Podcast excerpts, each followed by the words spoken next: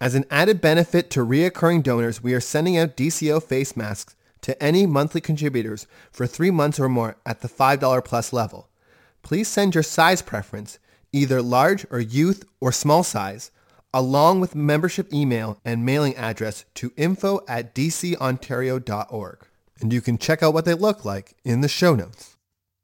This podcast was specifically created for Distress and Crisis Ontario organizations and their volunteer responders to provide training and educational assistance on a variety of topics.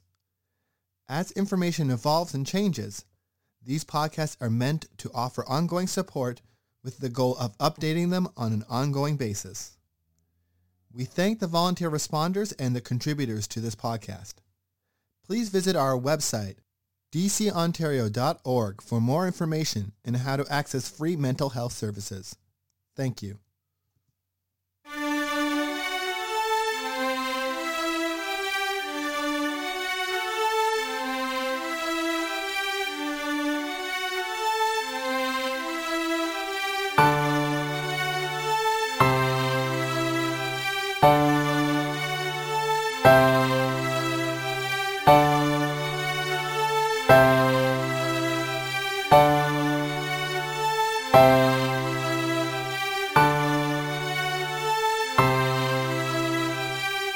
This is Caitlin Plant for Distress and Crisis Ontario.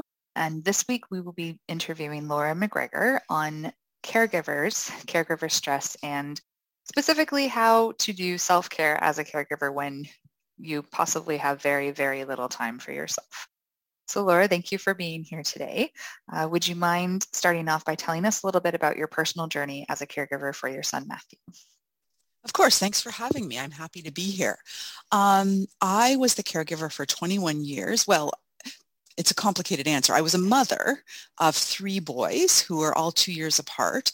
Um, one of my children, my middle son, lived with significant intellectual and physical disabilities, as well as considerable complex medical issues. Mm-hmm. Um, and I cared for him for 21 years until his death. Um, so my caregiving um, journey is tied up largely around my son, though I mm-hmm. want to honor the fact that mothers take care of children all the time. Mm-hmm. Or sorry, often, usually. Fair enough. So what sort of support system did you have in place to supplement your caregiving duties? Yeah, you know, that varied over the, the course of 21 years of Matthew's life. So I would say in the first several years of his life, virtually none. Mm. Um, so from maybe zero to five or six, from about five to, uh, you know, 10 or 11, we had some supports. We had some in-home supports, both from nursing and PSW, uh, home care agencies. We also used a respite service for families caring for medically fragile children. Um, but I was still providing probably the bulk of care. So for the 1st mm-hmm. decade, I provided either all of the direct care or most of the direct care. We moved to a much more supportive model that was family driven, so not service driven um, simply because we realized that if we didn't make some changes, I couldn't sustain the level of care. And the risk of having to admit Matthew to some sort of long-term care facility would become very real. Um, so we funded um, care for Matthew in the home out of our own pocket. And I want to note how privileged we were to be able to do that, and many families cannot. But what that did mean is that for the second decade of Matthew's life, um, I had a significant amount of support for his 24-hour care. I, however, was still the um, the coordinator. I was the one who managed the caregiving team. I made decisions around hiring and firing. I navigated all of the health professional appointments. I was the one who did all the frontline advocacy work, and I filled in. Um, I provided direct care as well, and would fill in all sort of the direct care gaps when a service provider couldn't work or mm. was ill or had to take a sustained period of time off. So I'm hoping you can edit that out. Um, so um, for for this last decade of Matthew's life, I I was supported um, and it was I would identify as more of a team member with a lead role. Okay. So you've touched on there a little bit that it was a process to find the support system that worked for you. So how difficult was it to land on that, that, yeah, that system that finally worked? Oh, um, yeah, that's a great question. It's a complicated question. It was not easy. You know, first of all, there's the, I want to say the more existential struggle of coming to terms with the fact that I couldn't be the one to provide all the care, which is challenging um, as a mother because you feel you should be providing all the care. And there's this sense of um, failure if you're not the one providing all the care though I rationally knew the level of care my son required was unsustainable for one person. And then there was the journey of navigating the public, the public support system, which is extremely complicated. And that's an important thing to know when you're providing support to caregivers that many of us, especially if we're caring for children, it's different if it's spousal or elder care, but we're navigating services that are organized by the Ministry of Health, by the Ministry of Community and Social Services, um, as well as the educational sector usually. None of those none of those agencies or those ministries provide enough support. It's it's most caregivers would say it's inadequate. It's also fragmented and it requires a lot of advocacy sometimes to get the services you need. So there's that part of, of then figuring out what's available, advocating for um, the services you need, and then realizing they're still not enough. And then coming to terms with the fact that we were going to have to augment those services if we were going to be able to keep my son at home, which was our mm. priority. And again, knowing that many families don't have the level of resources that my husband and I were simply fortunate to have mm. um, is an important is an important part of, I think, providing supports that many many families are coping with with inadequate supports um, and uh, and we did as well for the first decade. Okay, so in the middle of all of that complicatedness and trying to care for your son and do all of this advocacy work that I'm sure took up lots of your spare time, how how important was the ability to care for yourself so that you could continue to care for your son. Yeah, of course, it was a priority, and we all know it's a priority. And if you talk to any caregiver, um, or I would use the word extreme caregiver, which describes a particular type of caregiver in the research, and extreme caregivers are usually family caregivers who are providing extraordinary um, extraordinarily complex and continuous 24-hour care with some for someone with whom they have an emotional attachment. So unlike paid or professional caregiving, there's this emotional piece as well. So guilt mm-hmm. associated with with not ability, not not being able to provide all the care. There's there's this whole emotional piece that gets involved. Um, you know, I think we all know that self-care is a priority. We all hear the the cliches about, well, if you can't take care of yourself, you can't take care of someone else. And we all understand they're true um, it doesn't mean that for people who are providing extreme levels of care that you have the opportunity to provide that care or to take time for self-care, to care for yourself. And I think many of us live these very complicated lives where we know we're supposed to doing we, we know we're supposed to be doing this, but we simply aren't able to. And that becomes self-care becomes one more thing on the checklist, the to-do list that you just don't get around to doing. And in my life, self-care for sustained periods of time was something as simple as do I have time to take a shower? Do I have time to eat a meal while it's still hot? Do I have time to actually sleep for more than a few hours? Um, I had huge stretches of my life where I never slept through the night. Um, and that was just a fact of life. Yeah. And I think that that specifically, that always having that underlying tiredness and the inability to sleep through the night is just going to snowball and impact all of the other little things because then things that would normally be challenging on their own become that much more because they're also trying to do it with a lack of sleep and, and it just continues to make things more difficult. So you've kind of answered my next question already in in all of the answers already given. But I guess what what did you do to make sure that you did get those times to yourself as often as you could, knowing that it wasn't nearly enough? Yeah. Um, you know, and I think one of the things that needs to be put on the table is there are times when you don't and you can't. Mm-hmm. Um, and many caregivers live with that reality that that even something as simple as personal self-care is impossible. The the luxuries of things like yoga or going for a walk or chatting with a friend or watching a movie, um, the, these are luxuries. Um, mm-hmm. But in terms of being able when I was able to care for myself. For me, it really um, hinged a lot on sharing Matthew's care with other people. So um, developing a team of caregivers that I could work with, that I could trust with my son's care, um, developing positive relationships and and then and developing a sense of being able to work together. That was really important. And so taking advantage of whatever resources were available and then really trying to tailor them to our particular home environment. We mm-hmm. also made a conscious effort um, to take advantage of out of home respite opportunities. And that's hard. It's really hard to relinquish your care, the care of your child or a beloved family member to people who aren't yourself. Um, mm. especially I found it difficult to access out of home respite or to to to make the decision to do that. We used it quite liberally throughout Matthew's life.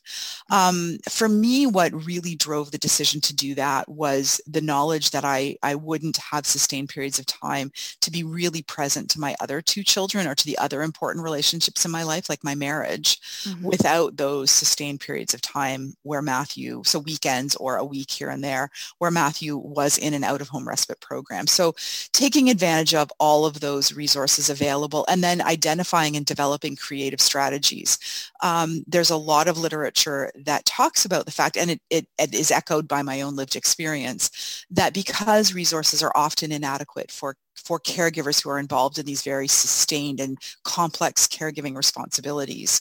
Um, that self-tailored, creative, thinking out of the box solutions are the way to go. Mm-hmm. Um, so we we developed all sorts of creative strategies over the years. We had a large basement bedroom, and at one point, a Conestoga College nursing student moved in with us, and we offered her free room and board in exchange for X number of hours of Matthew support.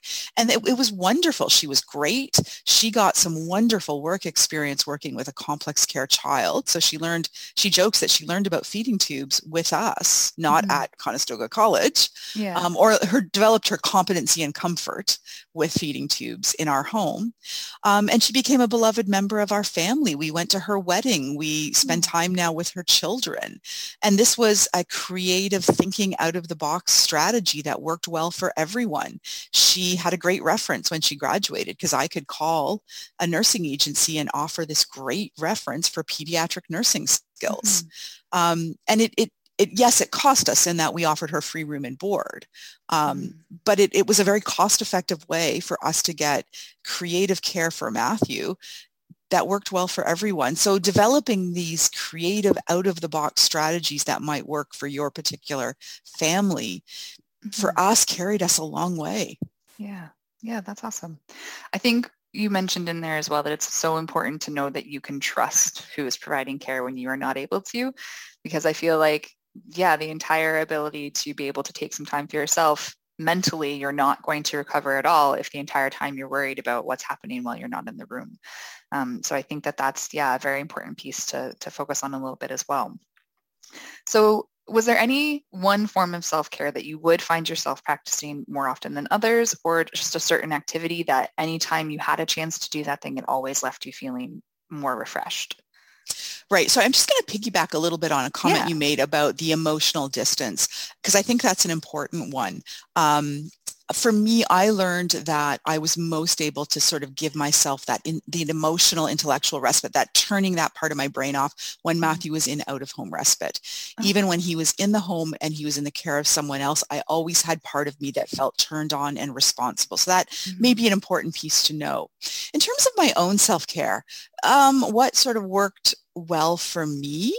Um, f- for me, being able to physically get some distance from Matthew, as I mentioned, was an important part of my own ability to engage in self-care. Mm-hmm. Um, so once I was able to do some of the basic stuff, you know, things like get some sleep, we finally, uh, we started using overnight in-home care. So we would have a nurse in our home through the night um, or a PSW. PSWs were a little bit different in that they had to wake me if certain things happened, mm. but but that was okay because I could sleep knowing someone would wake me. Um, nurses were able to do a bit more intervention. Um, so once I was able to do some of those things, I was sleeping through the night and I was able to, per, you know, attend to more of my own very basic self-care. Having space to sort of get away and get out. So I started doing long distance hiking. Um, and that for me was actually my most wonderful form of respite and self-care. It gave me time to, to really sort of turn that part of me off while also just enjoying being outside and engaging in ex- exercise and fresh air. That, that was a huge part of my own self-care. I think for me, another huge part of my self-care was actually returning to school and engaging in research and study of caregiving. It, it ended up mm-hmm. opening up this whole new avenue professionally for me. But for me, that was how I was making sense of what I was living through. Other yeah. people are going to make sense of it in different ways um, through conversation, through counseling, through peer support groups. And I've done all of those things over time. But for me, a huge part of my own self-care was finding ways to make sense of what I was living, which mm-hmm. happened to be an academic journey for me. Mm-hmm. Yeah. Yeah, that's really interesting.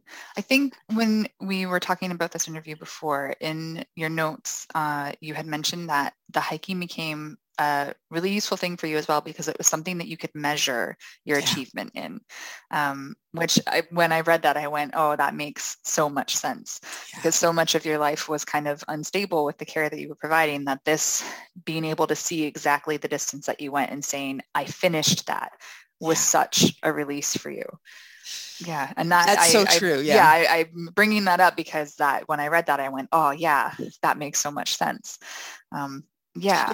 Thank you for reminding me of that. You're yeah. right. Caregiving caregiving we forget. Like caregiving is is it's heavy work. It's hard work. It's done behind closed doors. You're often dealing with taboo functions you can't talk about like toileting and mm-hmm. dressing and personal care.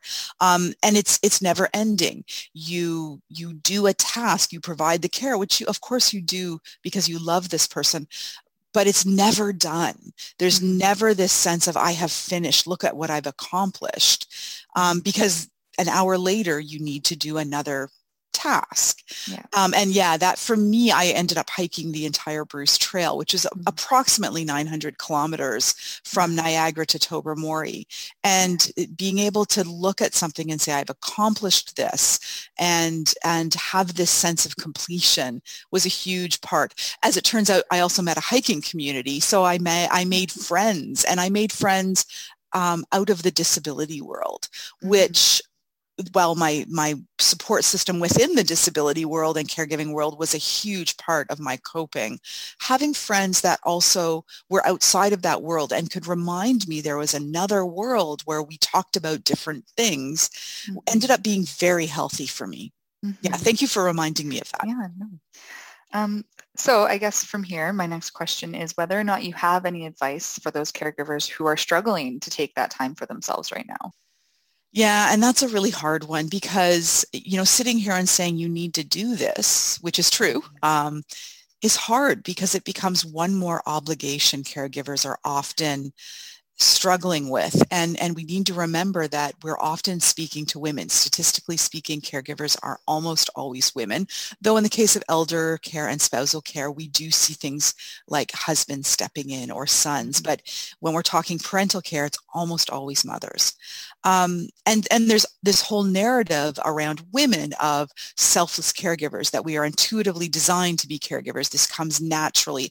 Um, and i want to honor the fact that as a result, women have um, this implicit and explicit expectation of, of often providing care to the point of self-sacrifice. Mm-hmm. Um, so sitting here and saying, oh, gee, this is one more obligation you have can be just overwhelming. Mm-hmm. Um, that said, it's so important. And so wherever I would encourage um, I think one of the things uh, that I would encourage is that women in particular need to be reminded um, that it is okay, perhaps even necessary to be selfish, to mm. place your needs of care um, as a priority. And, and that is very difficult to do because the messages from society, from family members, from the medical establishment um, are so, and church structures for people who are involved in faith-related structures mm-hmm. are so powerful and they are so explicit. Um, so simply giving yourself permission to place yourself in that that place of, of being a priority and then taking advantage of whatever respite opportunities you can either access or create are are vital. Um, yeah. and and finding time even in those small ways becomes so important. And knowing that there's often no easy answers. Mm-hmm. yeah that's awesome.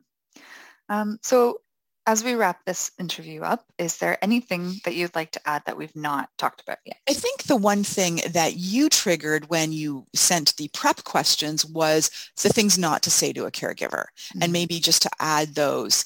Um, for those people who may be trying to support caregivers, often the cliched responses of, you know, life won't hand, give you more than you can handle. God won't give you more than you can handle for people who are working within faith structures. Mm-hmm. Um, these are often not very helpful. They, they often do more to make the person saying that feel better, feeling like they're offering something in a situation where there are no easy answers, no fix-it solutions. Um, and so those and, and what they do is they often just shut the story down and that mm-hmm. because there's now this pressure that I've got this expectation that I've got it I'm not able to talk about the fact that maybe I don't feel like I I don't have it that I'm overwhelmed I don't feel that I can do all of the things that I'm being asked to do. Um, so that's sometimes not a helpful answer. What is a helpful answer or response is giving people space to talk about what they may be living in a non-judgmental, sort of non-anxious way, simply mm. being present and often caregivers don't have safe spaces to talk about the chaos they're living or even the feelings of resentment towards someone they love and feel very obligated um, towards providing care it's a very complicated existential space to be in this idea of love and and sort of resentment. It's very paradoxical mm. and sort of creating space where where caregivers can maybe talk about that. Sometimes it's the only safe space they might have. Mm-hmm. yeah that's true. I think having a, a non-judgmental area where you can say hey i love this person that i'm caring for but this is so hard and and knowing that you can be heard yeah, I understand that that would be a huge thing. Yeah. Right. And and to honor that those feelings um, simply because I know I often didn't feel I had permission to say those things mm. in in any other environment or that if you, you know, if you did, there were they were so loaded with guilt and shame. Hmm. Yeah. Well, thank you so much for uh, being willing to do this interview with me. I really appreciate it. I'm I'm happy to to share the story and I'm grateful that you're taking the time to talk about these things. They're often not talked about. Thank you so much. Thanks. Have a great day. Hi, I'm Damien, one of the editors of the DCO Learning Forums podcast. We are committed to providing the most current and up-to-date information. With your help, we can make it better. Please consider going to tips.pinecast.com slash jar slash distress dash and dash crisis-ontario.com or by clicking the link in the show notes. And by donating, monthly contributors will be able to access a special podcast feed. In it, we'll have additional content and some more in-depth pieces on some of our most popular topics. Thank you.